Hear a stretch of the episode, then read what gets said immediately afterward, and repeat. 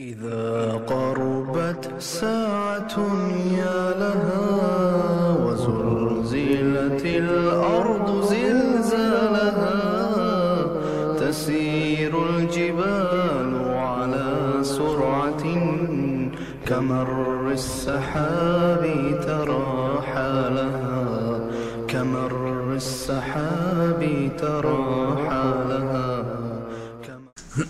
Alhamdulillahi Rabbil Alamin, wassalatu wassalamu ala Rasulillah. Rabbi šrah sadri, wa jesir li emri, wahlul uqdata min lisani, jefqahu qavli. se svaka zahvala pripada uzvišnom Allahu tebaraka ve ta'ala. Salat, mir i selam na Allahu poslanika, Allahu milinke Muhammeda alaihi salatu wasalam, njegovu časnu porodcu. Uzor te ashabi se ljudi koji slijede put istinu sudnjega dana. Na početku ja se izvinjavam. Sinoć sam stvarno držao tribino, inače u zadnje vrijeme imam problema s grlom, tako da ću malo tiše pričat, odnosno vi trebate biti pažljivi, nemojte se vrtit, nemojte se škaklit, nemojte pričat, da bi inšala mogli čuti šta govorimo. A ja se trudit koliko mogli da budem glasni. Kao što znate, četvrtak, naš ustaljeni termin u kojem čitamo različite knjige. Trenutno čitamo knjigu o vjerovanju u sudnji dan od našeg autora Alija Muhameda Salabija, Hafizahullah. Jedna izuzetno kvalitetna, korisna knjiga. Rekli smo da je to serijal od šest knjiga i evo imamo ovdje pred nama knjigu koja je druga izišla vjerovanju u Meleke.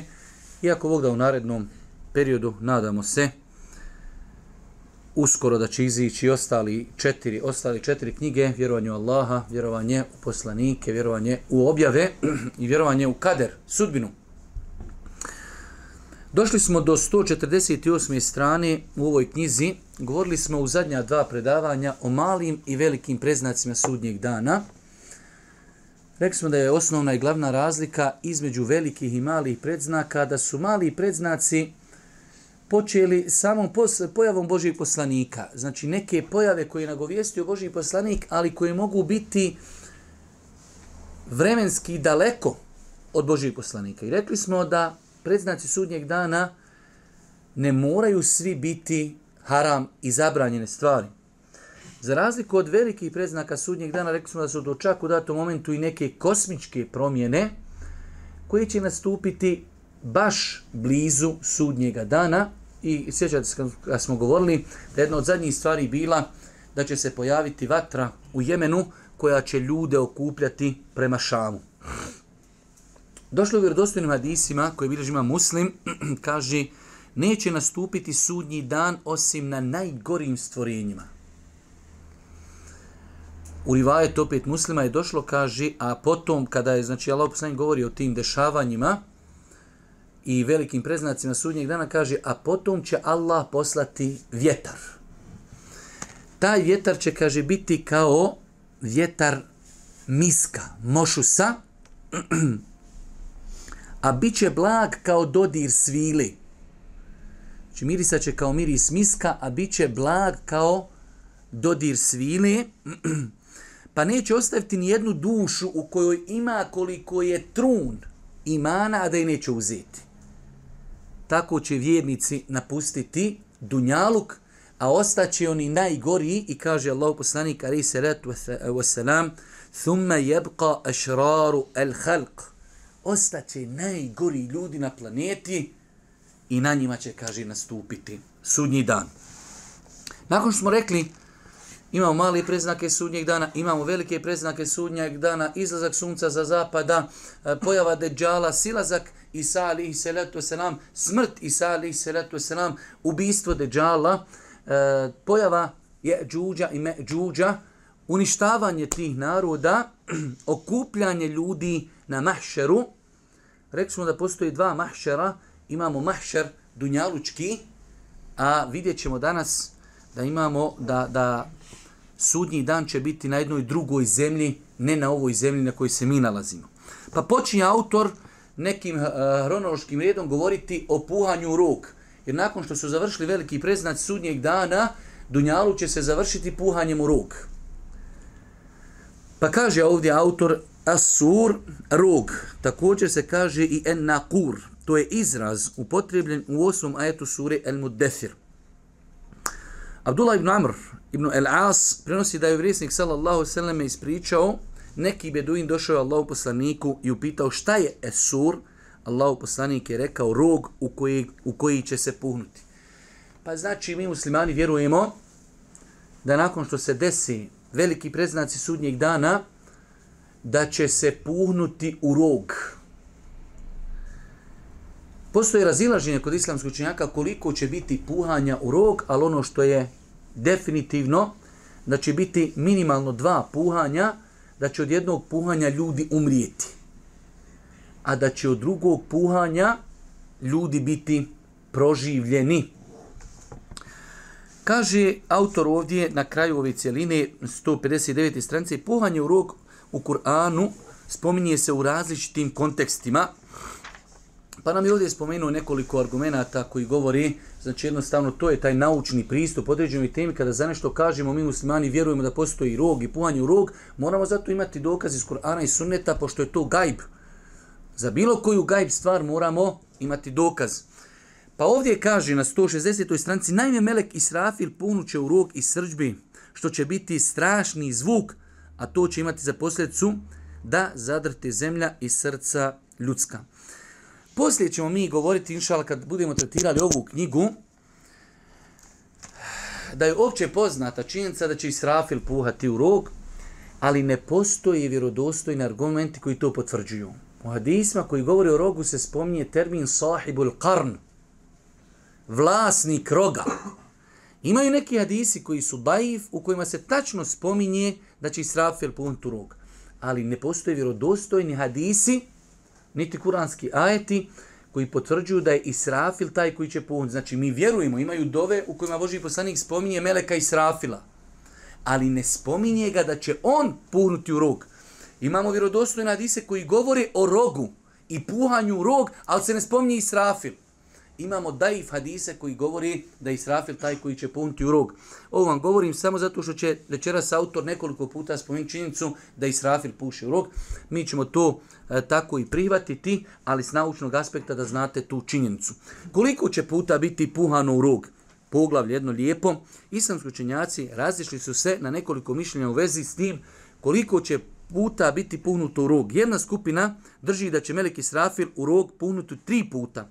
Nakon prvog puhanja prestravit će se sva živa bića. Nakon drugog puhanja pomrijeći, a nakon trećeg puhanja bit će oživljen. Znači imamo stav, opet na osnovu nekih indirektnih kuranskih ajeta koji kažu tri će biti puhanja. Prvo će biti fezea. Prvo će biti da ljudi kad čuju taj puhanje u rog da će se ljudi prepasti, zastrašiti, pa će stati puhanje, pa drugo puhanje gdje će umrijeti, pa treće puhanje gdje će biti proživljeni.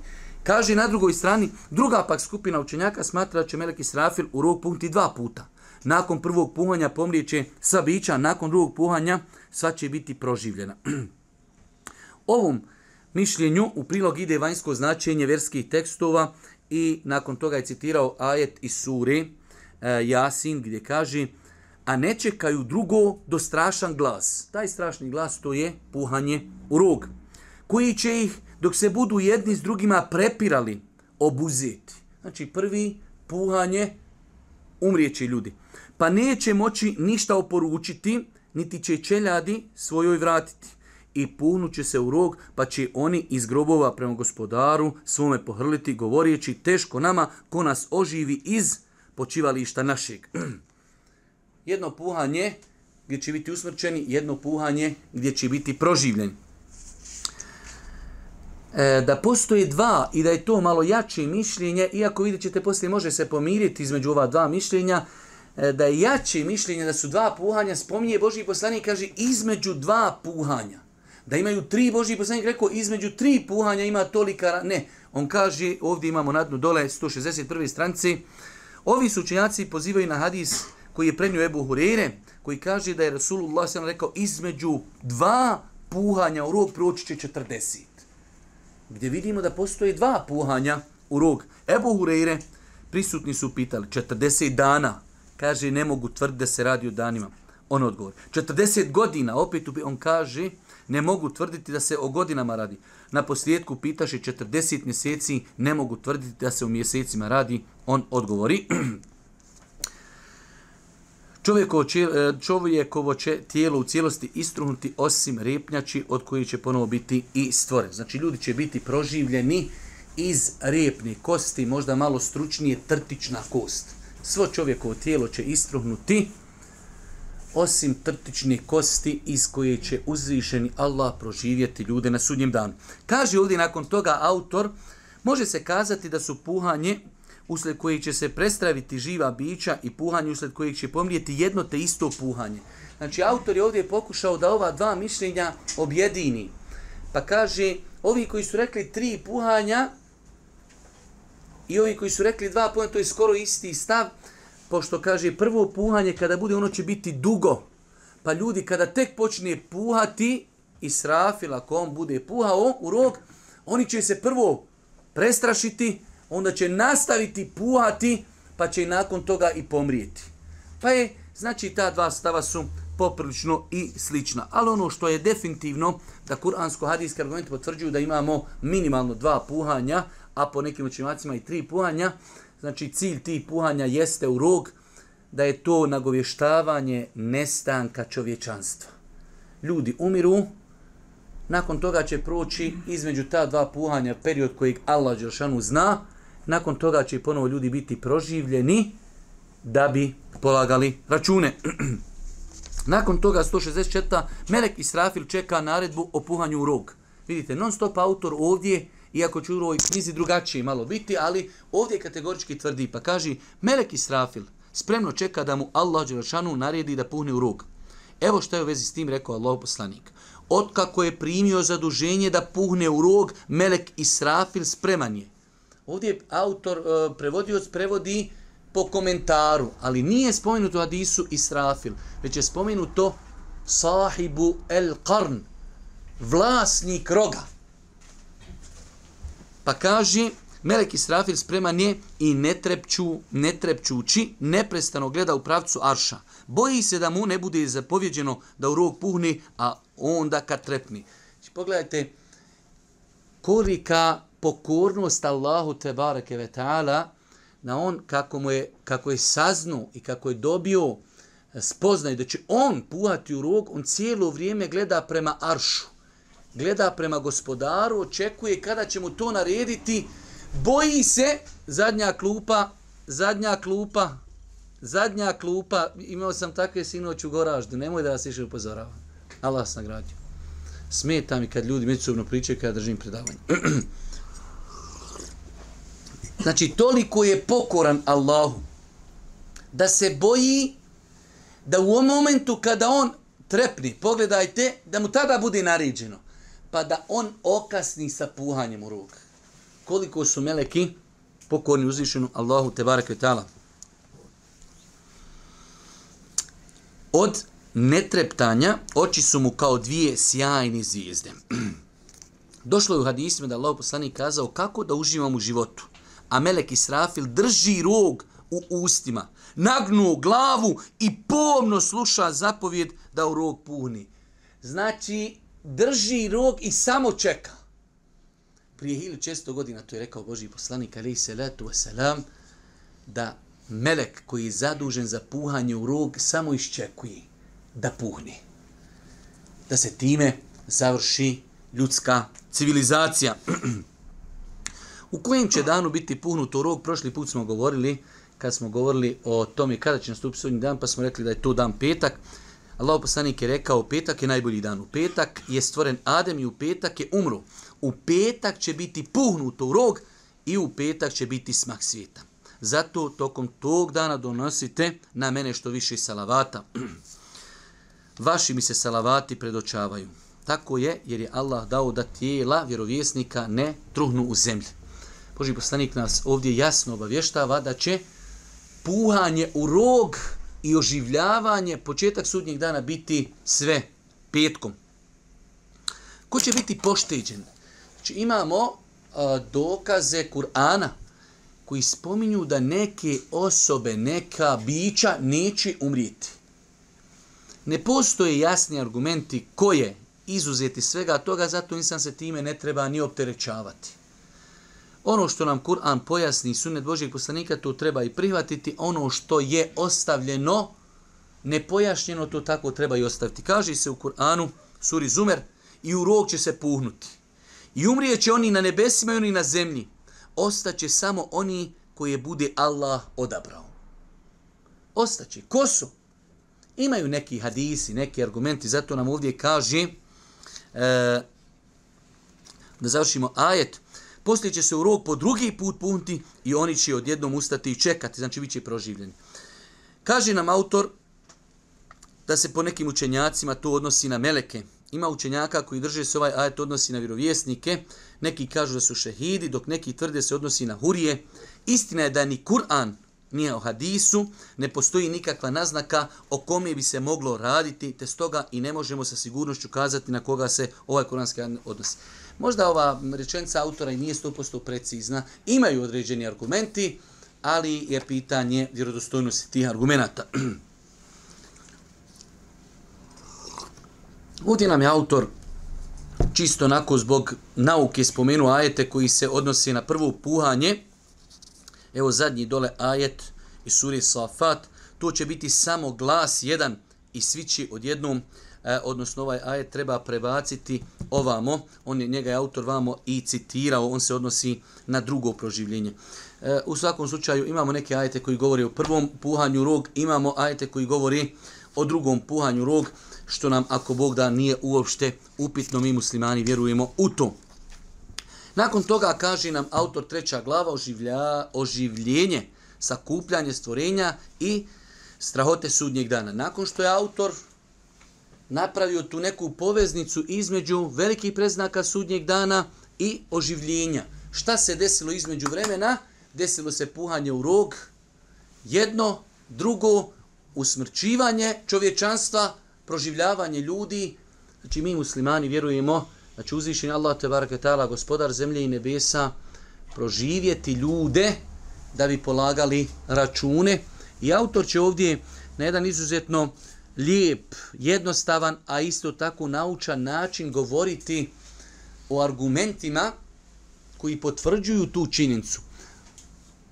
Kurešije u to vrijeme su imali jedan veliki problem, a to je da jednostavno nisu mogli da svati i da pojmi, čuj to, čovjek umro, istruho, on i njegove kosti, i da će istoga biti ponovo proživljen. Pa je autor se tu malo zadržao, pogotovo i danas imamo ljude koji kažu za sebe da, da su ateisti, ne vjeruju ni u šta. E, imamo bošnjake koji kažu su muslimani pa kažu koji se otuda vratio. Čime se negiraju stotine hadisa o sudnjem danu, o proživljenju, o džennetu, o džehennemu i tako dalje. Pa nam kaže autor, znači nakon puhanja u rog jedno puhanje, puhanje drugo u rog, ljudi su proživljeni iz trtične kosti, kaže prvo poglavlje, oživljenje. Oživljenje to je vraćanje stvorenja u ponovno postojanje. Radi polaganja računa i dodijeli nagrada onima koji su bili dobri, odnosno stavljanje na muke oni koji su bili zli. To je sva pojenta. Allah proživljava ljude. Imali ste priliku, živjeli ste 50, 60, 40, manje ili više godina. Umiru ljudi, proživljenje, polaganje računa da bi insan naplatio, uživao zbog pokornosti koju radio i da bi bio kažnjen zbog grijeha koje je činio. Svevišnji Allah je rekao da bi prema onom kako su radili kaznio one koji radi zlo, a najljepšom nagradom nagradio one koji čini dobro sura en neđu 31. ajet. Znači to je pojenta i svrha proživljenja ljudi da ljudi budu izloženi polaganju računa, nakon toga da budu nagrađeni ili da budu kažnjeni. Časni se Kur'an dokazujući postojanje oživljenja služi veoma djelotvornim metodama koje objedinjuju između vjerovanja u oživljenje, koje je usađeno u, ljudskom, u, u ljudskim dušama, između onoga što čulom sluha i vida dokućuju i opažaju. I između svega onog što nije u suprotnosti sa zajednim razumom. Imamo, znači, e, Kur'an na različite metode pristupa ovom pitanju, jer je to bilo jedno ključno pitanje za vrijeme kad se Boži poslanik Ali se rato se nam pojavio, pa ćete zato mogli bi slobodno konstatirati da možda i stotine ajeta tretiraju ovu temu na različite načine, samo moment proživljenja. Jer ako čovjek povjeruje da će biti proživljen, gotovo, on vjeruje odmah da će biti sudnji dan, on vjeruje da će polagati račun, on će odmah drugačije ponašati se u svom životu. Tako da, e, zbog toga je Kur'an baš mnogo pažnje posvetio ovoj tačci. A to je mogućnost proživljenja ljudi. Pa kaže nam autor, dokazivanje oživ, oživljenja pomoću onih što su umrli te oživljeni.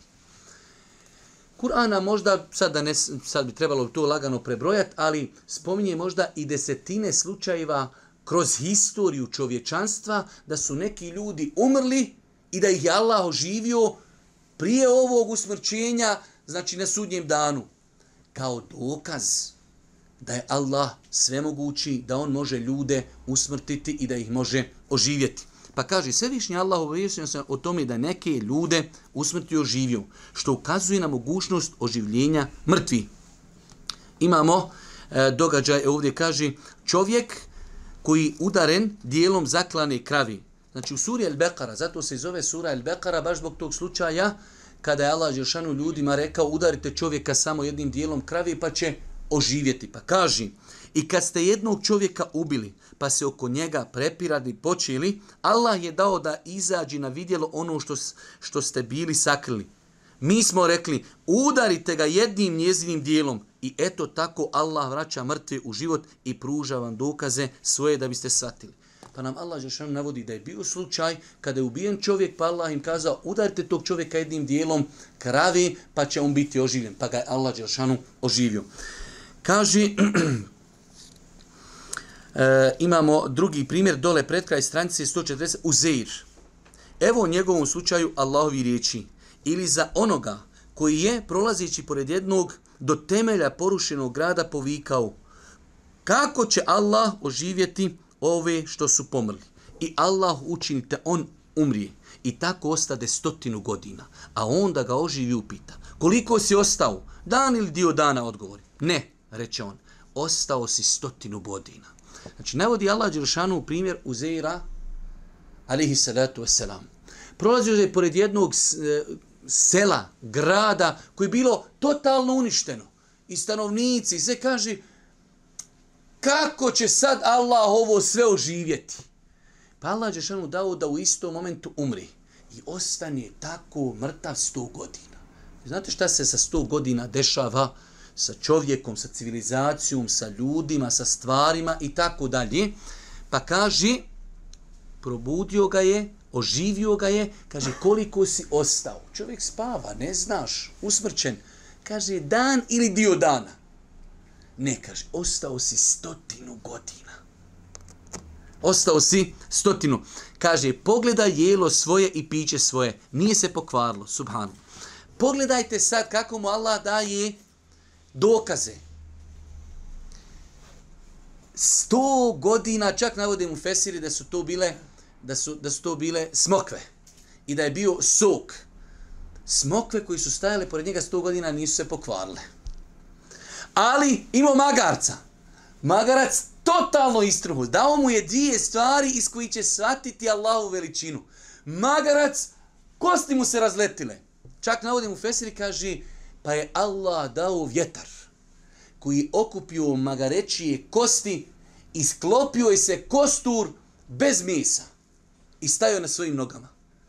Pa je zato došlo ovdje na kraju, a pogledaj i magarca svoga, da te učinimo dokazom ljudima, a pogledaj i kosti, vidi kako ih sastavljamo, a onda ih mesom oblažimo. I kad njemu bi jasnom povika, ja znam da Allah sve može. Pa je tako ispravljen kostur magarca, Allah dao da se na njega zalijepi njegovo meso i da ga oživi. Neka sad sve mi je jasno. S jedne strane, 100 godina hrana se nije pokvarila i to hrana koja nema u sebi nikakvog konzervansa, 100 godina, a s druge strane, magarac sav uništen. Imate onaj poznati događaj isto sa Ibrahimom a.s. i kad Ibrahim reče gospodaru moj, pokaži mi kako mrtve oživljavaš, oživ, oživljuješ. On reče, zar ne vjeruješ? Vjerujem, odgovori on, ali bih da mi se srce smiri. Uzmi četiri ptice, reče gospodar Allah, i sjeci pa pojedine komade njihove stavi na razne brežuljke. Zatim pozovi, brzo će ti doći. Znaj da je Allah silan i mudar. Ibrahim kaže, ja rab, sve, ali da vidim ja kako ti oživljavaš. Uzmi, kaže, četiri ptice i sjeci na komade, sve to izmiješaj i odnesi na četiri rašta brežuljka. Pozovi, one će ti doći. Gdje je dokaz da Allah Đelšanu oživljava gdje je dokaz da uzvišnji Allah subhanahu wa ta'ala oživljava, poslanik Isa ali se rat vraćao je umrle u život. Ne samo da je Allah pokazao, već je Allah subhanahu wa ta'ala dao nekim ljudima odabrani kao što je Isa ali se letu u Esrami, o tome smo govorili u prošlom dersu, kad smo govorili o vjerovanju muslimana u Isusa, da je Allah Isa počastio mu'đizama nad naravnim dijelima, između ostalog da je gubavce, ljude bolesne, slijepe liječio, čak ljude mrtve oživljavao. O tome nam govori sura Ali, Ali Imran 49. ajet. I ovdje navodi čak i e, stanovnike pećine Kef. U svakom slučaju kaže dokazi koji sadrži navedeni dokazi koji sadrži navedeni ajeti jesu materijalni, osjetilni dokazi i svi ukazuju na mogućnost oživljenja nakon smrti. Svi ovi, a znači spomenuti ajeti, Allah je spomenuo da mi vidimo još na dunjaluku da uzvišeni Allah tebarka ta'ala može ljude usmrtiti i da ih može vratiti ponovo u život. Isto tako, to je znači jedan način dokazivanja. A u jednom načinu imamo deset načina. Prvi način kako Kur'an dokazuje E, da Allah Đelšanu može proživiti ljude jeste da je Allah još na Dunjaluku ljude proživljavao. Drugi način dokazivanje oživljenja pomoću prvog stvaranja. Kao što je Allah tebar kretala stvorio ljude prvi put. Čak po našim dunjalučkim parametrima. Kad čovjek, da Allah je daleko od svakog poređenja, ali kad čovjek hoće da napravi mobitel, šta je najteže? Najteže je napravi prvi kad napraviš prvi mobitel, lako je poslije pod najznacima update i pratnje, ali prvi je najteži. Pa je mno... To be jarabi, ali teže je stvoriti prvi put čovjeka nego drugi put. Pa niko ne zapinje zato da je Allah stvorio čovjeka prvi put. Pa kako onda zapinjati kao kako će Allah ljude proživjeti? Pa kako god ih je Allah stvorio prvi put, sad isto tako će stvoriti i drugi put. To je racionalni način dokazivanja.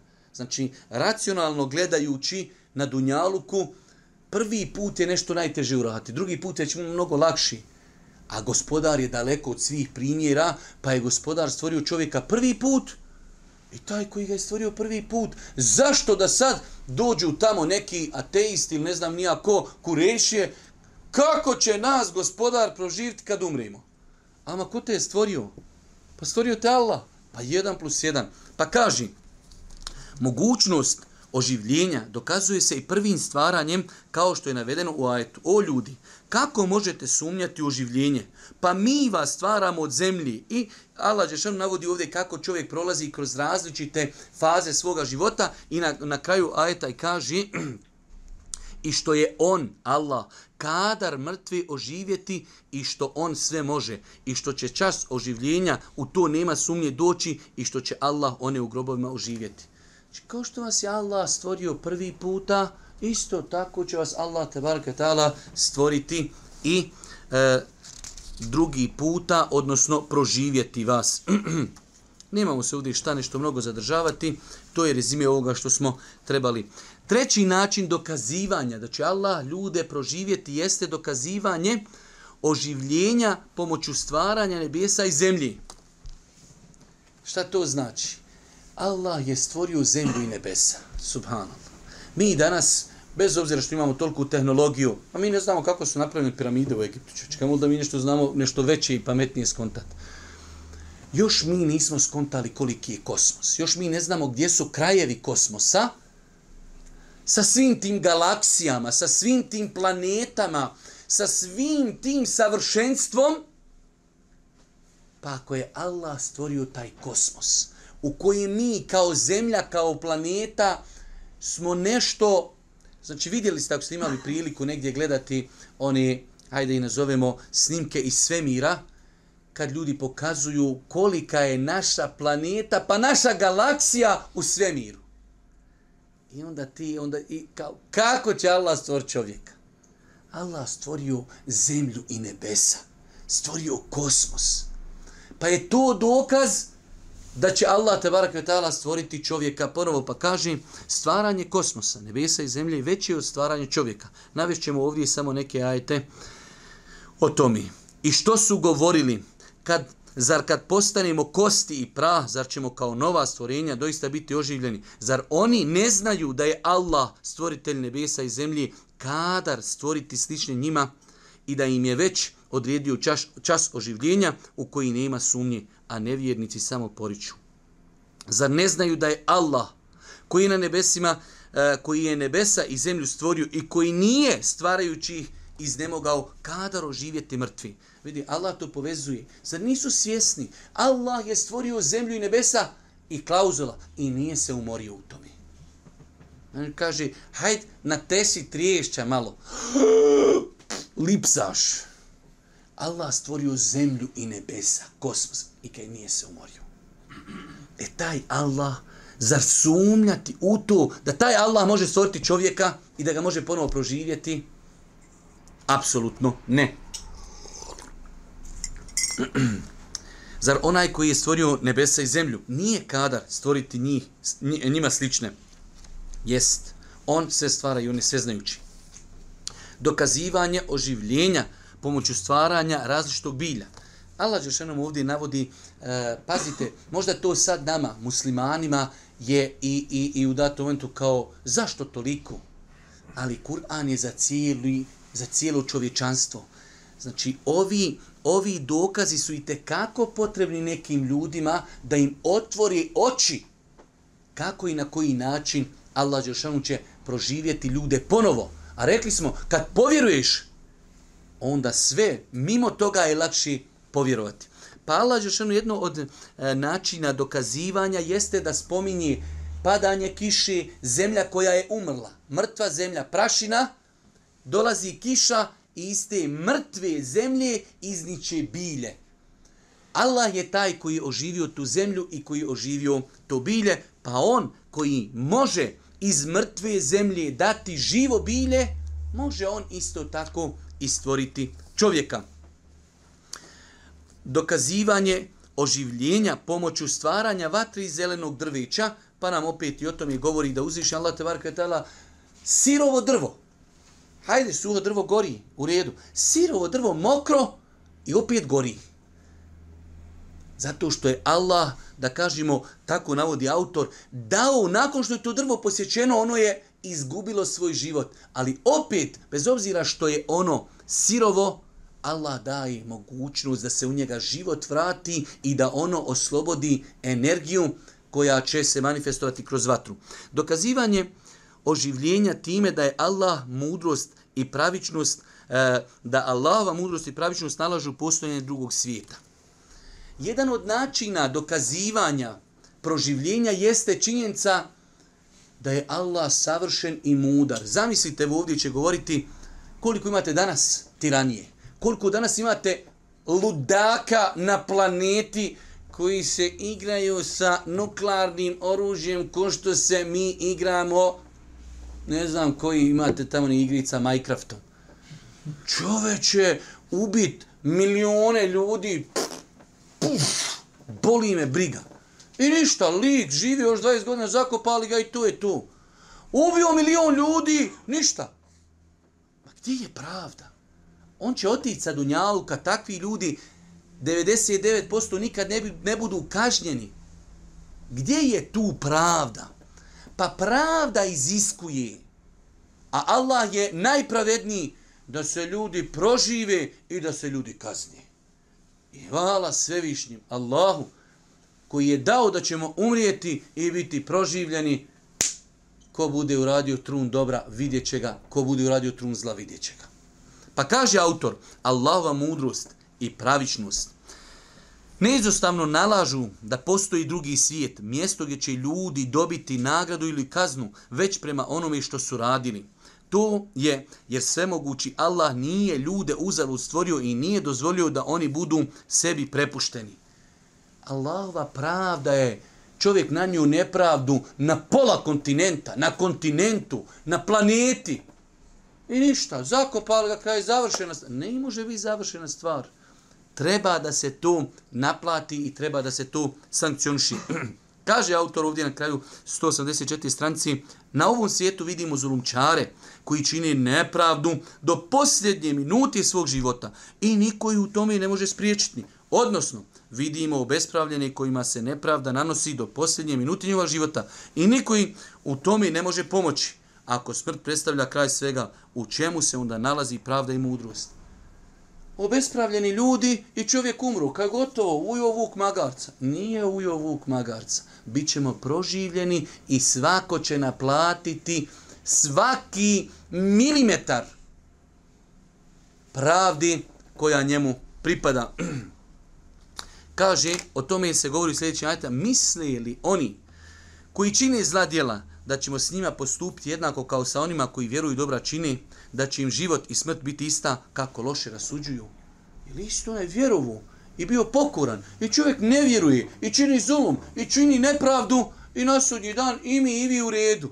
Ne, možda na Dunjalku da, ali na Ahiretu nikako. I za, za kraj, koliko sećam da je ovo zadnji dokaz, kaže Allahu, Allahova obavijest da će se sudnji dan zbiti. Allah je taj. Mi, zašto se kaže mu'min, vjernik? Mi vjerujemo Allahu.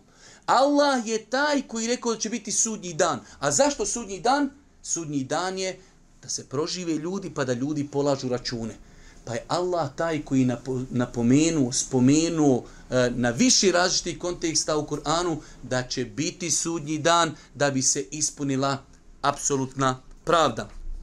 Pa kaže u nekim ajetima, naime, obavijestio o budućem svijetu upotrebljavajući česticu za potvrđeno značenje. Znači imate nekada Allah Žešanu, ne samo da kaže, bit će sudnji dan, i nema tu adune, sigurno ono čime vam se prijeti, desit će se. Znači Allah govori o sudnji danu i sena, ne samo bit će sudnji dan, ne, sigurno će se desiti sudnji dan. U nekim ajetima znalac svih tajni zaklinje se svojim bićem, kao i nekim stvorenjima, da će oživjeti mrtvi.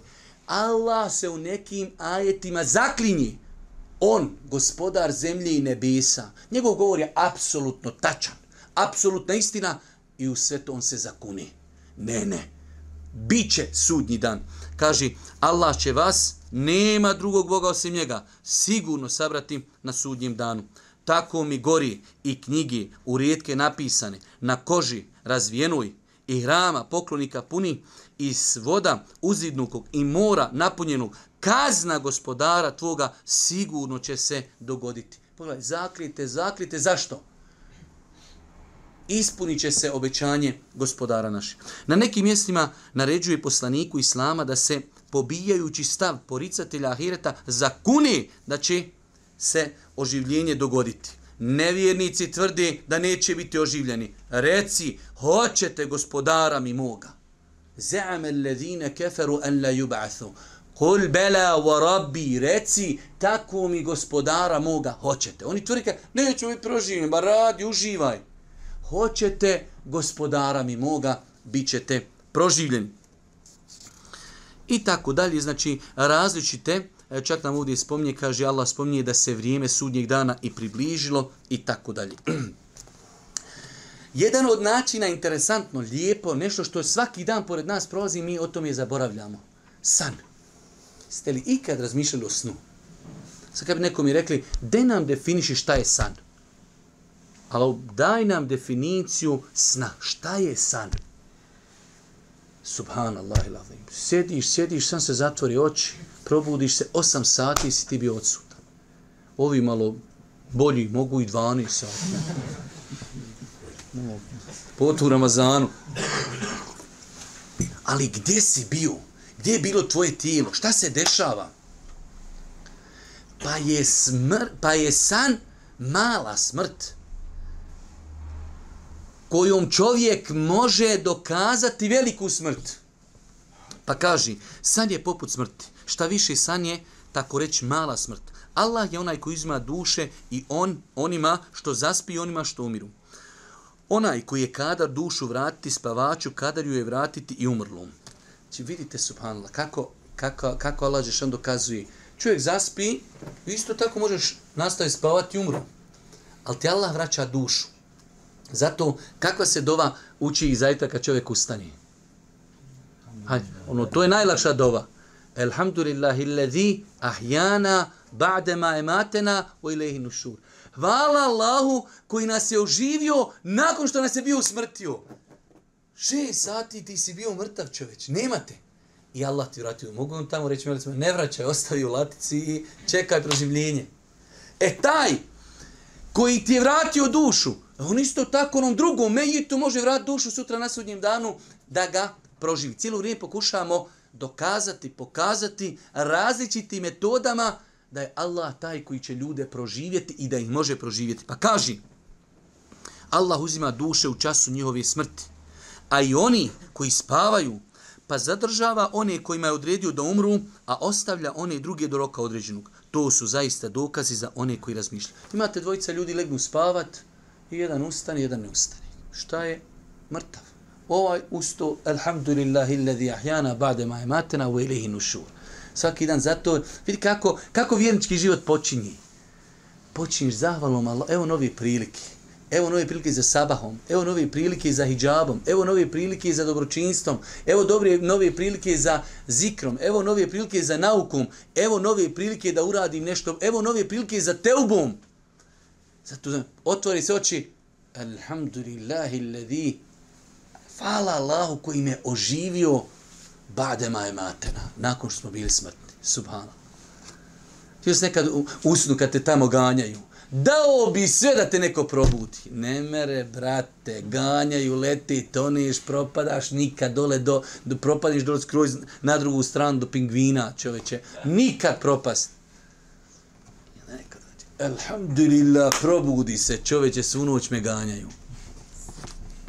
Kaže, Huzeyfe radijallahu kazuje, kada bi legao u postelju, Allahu poslanik ali stavio bi ruku ispod obraza i proučio Allahu u ime tvoje umirim i u tvoje ime živim. Bismike Allahumme emutu wa ahja. Emut, meut, riječ meut, u tvoje ime umirim. Evo me, ja legao spavat, ali to je smrt. Spala samo kad insan bi htio da razmišlja o stvarima koji se oko njega dešavaju. Ti svaki dan u datom momentu moraš na sahat, na dva, na pet biti isključen ko ti garantuje da ćeš se vratiti? Jesi li spreman da se ne vratiš? Kaži, a pošto bi se probudio, proučio bi, hvala neka je Allahu koji nas je oživio nakon što nas je usmrtio, njemu ćemo, njemu ćemo biti oživljeni.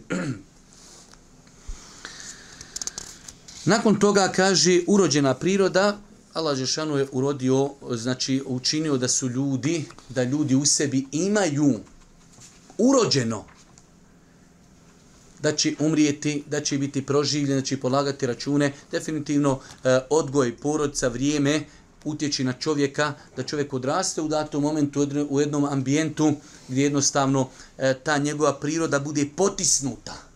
Ali osnova je, vidjeli ste, kad oni sportaši, iako on ne muslima, ne zna, ali dadne go, Allah, reci Allahu ekber, vrisni dole na, na marakarni, reci Allahu ekber, Šta pokazuješ oblačno? Ma nije, gospodarko, vidi, jesam lava, Allah mi olakšu da golove dajim.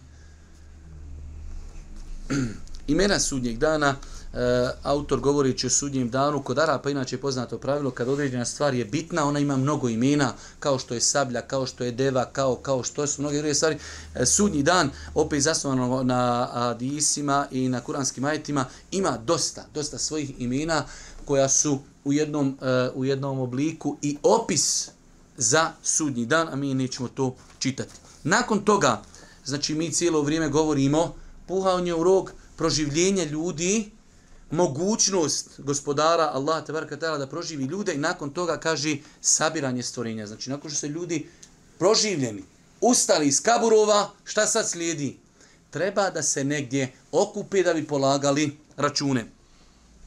Kaže prvo poglavlje, odnosno u drugom poglavlju, prvi podnaslov, sabiranje stvorenja radi konačne presude i polaganja računa. pa imamo ovdje više kuranski ajeta koji to potvrđuju. Oni koji su poricali da će pred Allaha stati i koji nisu pravim putem išli, bit će izgubljeni. Oni koji su poricali da će pred Allaha stati poricali da će stati, da će biti proživljeni i da će doći do tog jednog velikog okupljanja. E ovdje na 194. stranici, neću da reknem da je greška, ali ovo ćemo preskočiti jer imate, možete sad otvoriti 204. stranicu. Na 204. stranici nam autor govori zemlja će biti zamljenjena drugom zemljom. A ovdje nam govori na, na kojem će mjestu stvorenja biti sabrana. E, hm, u svakom slučaju polaganje računa će biti na drugoj zemlji, ne na ovoj zemlji trenutno na kojoj mi živimo. Osim ako bi se ovo satilo da ljudi nakon proživljenja će možda biti okupljeni e, na mjestu Mahšera u Šamu, a nakon toga da će biti promljenjena zemlja drugom zemljom kao što je došlo u Koranu, ali u svakom slučaju e, malo, malo je tu malo je tu, hajde da kažemo, onaj, nejasnoći. U svakom slučaju kaže kako će ljudi izgledati nakon što budu sabrani. Allahova mudrost je u tome da će ljude proživjeti, da će biti i goli, i bosi, i neobrezani. Znači potpuni, što bi rekli od majke rođen, čak i neobrezani. Pa kaže se, ljudi će biti sabrani nakon proživljenja i bit će bosi i goli neobrezan. Upravo onako kako su stvoreni. Potvrdu zato nalazimo u hadisu kojeg je prenio Ibnu Abbas, a u kojem se kaže da je vresnik e, rekao bit ćete sabrani boli, e, bosi, goli i neobrezani. On kaže da je poslanik sallallahu alaihi sallam tada proučio kuranski ajet onog dana kada smotamo nebesa, kao što, smota, kao što se smota list papira za pisanje. Kako god smo prvobitno stvorili, tako ćemo to ponoviti kao obećanje koji smo dali. Mi smo doista kadri to učiniti. Zatim je Rasulullah sallallahu sallam rekao Ibrahim a.s. bit će prvi koji će odjenuti odjeću na sudnjem danu. Neki ljudi iz mog ummeta bit će dovedeni i odvešće ih na lijevu stranu i tako dalje. E, drugi hadis koji je interesantan sa dodatkom da Iše i kaže Aisha radijallahu ta'ala na da je rekao poslanik, ljudi će na sudnjem danu biti oživljeni, proživljeni, bosi, goli, neobrazani. Ona u čuđenju upita, a iša, ona sluša taj hadis i ona još ne može da prebaci, hajde da kažemo, svoje razmišljanje na ahiretsko. Ona još doživljava to dunjalučki. Sad, svakom insanu, vjerniku, teško pada kako da ljudi budu zajedno žene, muškarci, cijelo čovečanstvo boli, bosi, goli i neobrezani. Z dunjalučkog aspekta prvo što čovjeku pada na, na, na um stid. Pa kaže Aisha radijallahu ta'ala anha u čuđenju upita, zar će gledati jedni e, drugima u stidna mjesta? Svako će tog dana bri, e, brinuti vlastitu brigu. Allah mi, ovaj hadis je toliko težak, ko će da ga razumije. Znači, koliko će biti težak taj dan. Jer, pazite, gotovo sad, ono na Dunjalku, nisam pogledao, ustao na sabah, nisam ustao, udjelio sadaku, nisam, klanio, ni bio na dersu, ni... Sve to imaš ko neku popravu, ima vremena. Kad ti budeš proživljen, ti sad, to je sad ljudi, ovo je sve apsolutna istina. Sad tebi kroz glavu ide šta si ti sve radio, šta si sve propustio, gdje si sve bio sad idu vage milimetarski. Trun, prašina. Sjediš i puneš i ode tam čovjeka malo mu nagrize, na sudnjem danu vaga kaže oštećena toliko prsa, daj se vapa. Apsolutno sve se vaga. Pola datuli, vaga se. Datula, vaga se. Osmije, sreo čovjeka, Brate, vagaj, pa zašto sam te sreo nasmijanog? Jesi, vagaj, sve se vaga. E tada, kad ljudi svate stvarnost u kojoj se nalazi, nije nikom više do čega. Zato je došlo, bježat čovjek od, od, od oca, od majki. Pa dobro, ajmo, bit ćemo zajedno, da kako će ko završiti. Ne znam. Da vam Bog bude na pomoći. Daj se meni spasiti dao bi čovjek zemlju, dao bi sve što je na njoj, dao bi sve ljude na planeti. Samo daj se meni spasiti. Kad vidiš džehennem, kad vidiš njegove temperature, kad vidiš njegove azabe, daj se meni spasiti. Pa, kako drugi prođu? Zato, e tako se sad ovaj hadis. Nikome to na pamet neće pasti zbog belaja u kojim se nalazi. Jer nema insana koji tamo može, znaš, spreman sam, brate, spremio sam se za ispit desetka. Niko ne može doći spreman. Kada ljudi vide kako se ogibetio, slago, prevario, prespavo, uradio u milimetrima, u trun, sve se vaga. Pa kaže Allah poslanik ali se svako će tog dana brinuti vlasti i tu brigu. Nakon toga nam navodi ovdje autor e, da će ljudi biti proživljeni, zabrinuti, oborenih glav, što je normalno. Sad kažemo, zabrinut, zašto zabrinut? Nema tu opcije džennet džehennem. Ok, muahid, vjeru u Allaha. Valja samo, ne daj Bože, ako ti grijesi nadvladaju dobra djela, da uđeš u džehennem. Samo moment gdje ćeš zaboraviti sve na dunjalku što si uživo. To je taj belaj gdje ti imaš samo dvije opcije. Spasiti se ili u džehennem. Zato ljudi će biti zabrinuti. Ljudi će samo razmišljati o sebi. Općenito uzevši stanje ljudi nakon sabiranja bit će pretiško. Biće poredani u redove pred uzvišenim Allahom subhanu wa ta'ala. Kaže, tog dana čovjek će povikati kamo da se bježi. Ejne mefer, nema, na Dunjaluku, kritična situacija, granatiranje, neko bježi ovdje, neko bježi iz grada, neko ode ovdje, neko u sklonište. Na sudnjem danu nemaš gdje bježat. Svi će odgovarati, svi će polagati račune. Kaže, ljudi će zaboraviti na međusobne rodbinske veze, svako će biti sobom za okupljen. Svako će pred gospodara sam doći. Prije toga, ajet iz suri El Hajj, prvi i drugi, o ljudi, gospodar, e, gospodara svoga se bojte i tako dalje, kaže, ako će majka, govor autora, koja je izuzetno sažaljiva spram djeteta, svoje dojenče zaboraviti. Hajde, evo danas, pošao si negdje na, na izlet sa četvero djece, imaš velike djece, imaš manje, imaš dojenče. I nešto se desilo. Na koga najviše briniš? O, daj mi na dojenče, ono ne zna. Ovi veliki, pa hajde, sklonite se, sakrijte se, bješte u auto, ali na dojenče najviše paziš. Tog dana mati će zaboraviti dojenče. Iako njena ljubav prema njemu i pažnja je najveća.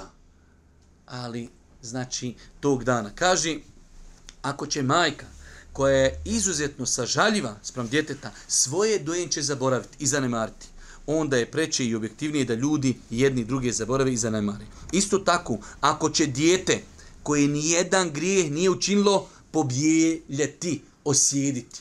Dijete malo, ništa, ono u islamu nije bilo punoljetno, ono će osjediti od brige, belaja, vidi šta ljudi radi, polažu se računi, džehennem, džennet, kazne, djeca će usjediti.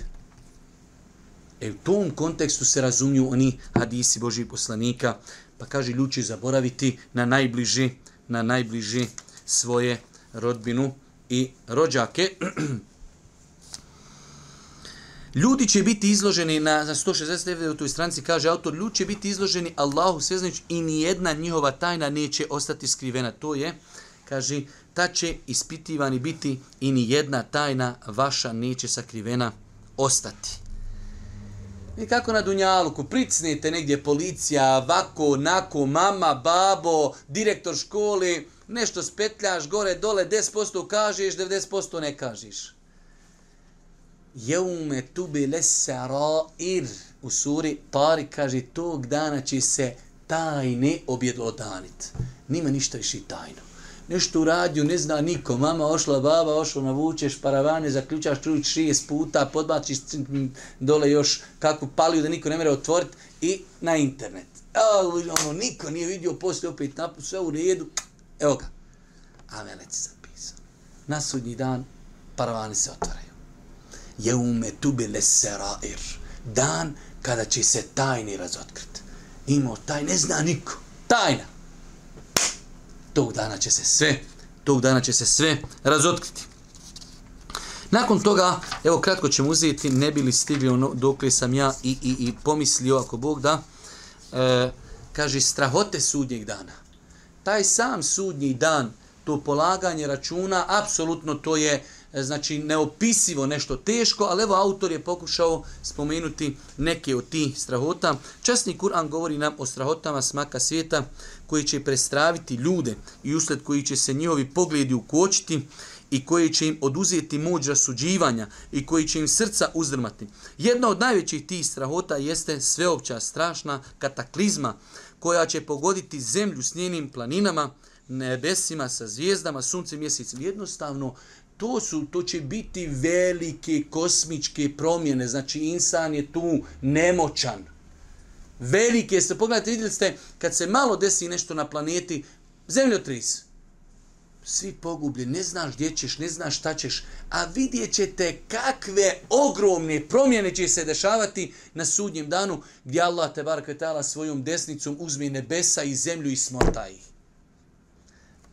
Mnogo, mnogo teške stvari. Kaže, zemlja će biti zdrobljena, a planine u pra smrvljene. dakle, Allah istiniti uklonče planine i poravnaće zemlju pa na njoj neće biti ni udubina ni uzvisina. Časni Kur'an na nekim mjestima kaže da će se planine pokrenuti kao što je u ajetu i kada se planine pokrenu. U svakom slučaju planine će se pokrenuti, zemlja će se izravniti, nema više brda, nema ra, znači to su ogromne velike, ogromno velike promljene. Zemlju će Allah u šaku staviti, a, ne, a nebesa će svojom desnicom smotati. Allahu ekber, Allahu ekber. Svevišnji Allah objavio je. Oni ne veličaju Allaha onako kako ga treba veličati. Allah Žešanu kaj pogledajte danas velik broj ljudi kada vidite njihovu bahatost. Da čovjek dođe na nivo neuzubillah, neuzubillah da opsuje Boga. Da se čovjek oholi. Da čovjek Nisu ljudi shvatili samo veličinu gospoda. Pa Allah Žešanu kaj وَمَا قَدَرُ اللَّهَ حَقَّ قَدْرِ Oni samo nisu shvatili nisu Allahu davali njegova prava koja on ima. Kaže, oni ne veličaju Allaha onako kako ga treba veličati, a čitava zemlja će na sudnjem danu u šaci njegovoj biti. Čitava zemlja u njegovoj šaci će biti. Pogledajte vi kolika je zemaljska kugla. Kaže, čitava zemlja će biti u Allahovoj šaci, a nebesa će u desnici njegovoj smotana ostati. Allahu ekber. Nebesa će uzvišeni Allah svojom desnicom smotati. La haule wala kuvvete illa billah. Hvalje neka je on i vrlo visoko iznad onih koji njemu smatraju ravnim. Allahu poslanik rekao je na sudnjem danu Allah će uzeti zemlju šakom i smotati nebesa desnicom, a zatim upitati ja sam vladar, gdje su zemaljski vladari? Enel melik, To je dan stvarni vlad. Ti sad na Dunjalku imaš vlast heptu dana, 15 dana, mjesec, 30 godina, 40 godina i umireš koji svi ostali. Ali u tom periodu činiš zulum, činiš nepravdu, uh, umišljenci, oholci, gorci. Ne, ne, prava vlast je na sudnjem danu. Zato Allah Žešan će tada reći Enel Melik, ja sam pravi vlad. Gdje su sad ti koji su činili zulum, koji su činili nepravdu, koji su naređivali, koji su skraćivali? Gdje su danas? kada Allah Đelša nebesa svojom desnicom smota. Mora će biti pomiješana i vatrom ispunjena. Nebo će se uzburkati i rascijepiti.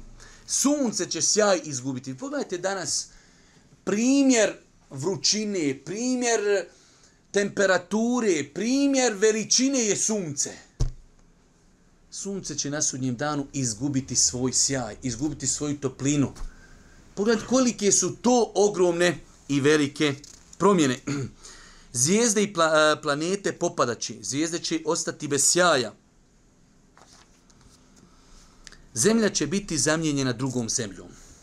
Kaže, evo ovo, ovo ćemo, ako Bog da inšala uzeti i tu ćemo se inšala zaustaviti, ako sam još planirao malo, ali dosta inša.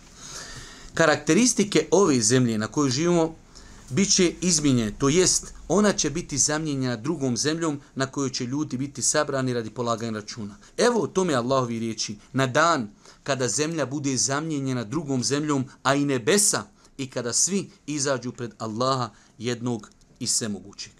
Jasan ajet, Allah Žešanu jasno kaže da će ovu zemlju na kojoj smo mi živjeli zamljeniti drugom zemljom na kojoj će ljudi polagati račune. Kaže se, Buhari i Muslim zabilježili su da je Sehl ibn Sad radi on prenio sljedeći poslanikove riječi. Ljudi će na sudnjem danu biti sabrani na zemlji koja će biti crvenkasta, poput crvenog brašna. Na njoj niko neće imati nikakvo obilježje. Ravno, neme, niđe ništa po čemu bi se mogao orijentisati. Nakon toga će ljudi će biti povedeni na mjesto polaganja računa. A iša radijallahu ta'ala kazuje, upitao sam Allahu poslanika, u vezi značenja Allahove riječi na dan kada zemlja bude zamljenjena drugom zemljom, a i nebesa. Te sam rekla, Allahu poslaniće, gdje će se tog dana ljudi nalaziti? On odgovorio na siraču pri. Sad njoj je bilo nejasno. Imamo zemlju, mi smo na njoj okupljeni, proživljeni. Gdje ćemo tada mi biti dok se zemlja zamljenje drugom zemljom? Pa je rekao Allahu poslanik, bit će ljudi, čovječanstvo na Siračupri. E još ću vam pročitati ovaj hadis, inša e, nako, baš mi je zbog jednog momenta lijepa, svi hadisi su lijepi. Kaže, Seuban, oslobođeni rob Allahu poslanika, ispričaju. Stajao sam kod Allahu poslanika kad mu je došao jedan jevrejski rabin i rekao, Esselamu alaikum Muhammede. Ja sam ga tako gurnuo da se skoro srušio na zemlju. Kaže, selam alaik Muhammede. Ovaj ga odmah zvizno, kaj zakotrljio se, malo nije pao. Pa kako asabi reaguju? kako su oni uvažavali poslanika. Sad nama to uže, pa šta se dešava? Kaži, zar nisi trebao kazati Allaho poslaniće? A oni navikli, znate da vas da petljaju. Mi ga samo zovemo imenom kojim ga je nazvala njegova porodica. Jer nejako rekne selam alijek Allahu poslaniće, priznao si da je poslanik. Pa veli, mi ga zovemo tako, što mi rekli, tako mu je rodni list, tako ga zovu, tako smo roditelji dali ime, sam da ne prihvatiš, pogledaj, pogledaj ti pokvarenosti. Kaže, mi ga zovemo kako su mu roditelji dali ime. A to ne umanjuje ništa od veličine Allahu poslanika. Na to Allahu poslanik reče, moje ime je Muhammed i to ime dala mi je moja porodica. Svakako, ili tačno si rekao, je da filozofiraš, petljaš, ali tačno. Jevrij reče, došao sam da te pitam nešto, poslanik ga upita, a hoće li ti koristiti ako ti odgovorim, on odgovori, pomno ću slušati šta ćeš mi reći. Pitaću te, ako odgovoriš, hm, ako ti jednim prihvatit ću, ali, to je, ali ono, da mi je naći nešto da upitam što ne znati odgovoriti. Pa gdje ćeš postaviti poslaniku Muhammedu pitanje koji dobiva objavu od uzvišnog Allaha, te bareke ta'ala. Allahu poslanik u zemlju je zabao štab koji ima u rukama te rekao, pitaj, jeviri upitaju, jevrij je upitao, gdje će biti ljudi na dan kada ova zemlja i nebesa budu zamljenjeni drugima? Pogledajte, znači nije ovo samo tvrdnja koju znaju muslimani. U to vrijeme rabin zna tu tvrdnju, činjenicu da će zemlja biti za I sad je on još i postavlja i pitanje, ne bi li našao nešto što poslanik ne zna? Allahu poslanik odgovorio, bit će u mraku ispred sirat čupi. Iz navedenog se može razumjeti da će karakteristike zemlji biti promljenje time što će biti uklonjene planine i uzisne, te će ona biti ravna ledina i na njoj neće biti ničega, nikakvih e, obilježja. A zemlja će biti zamijenjena drugom zemljom onda kad ljudi budu trebali polagati račune za dijela, a svevišnji Allah najbolje zna. Allah Đašanu molim da nam olakša polaganje računa na sudnjem danu. Molim ga subhanahu wa ta'ala da nam bude milostiv. Molim ga subhanahu wa ta'ala da nas učesti na putu istine. I na kraju subhanaka Allahumma bihamdike. Ešhedu in la ilaha in stakfiruke. Wa etubu ilaika.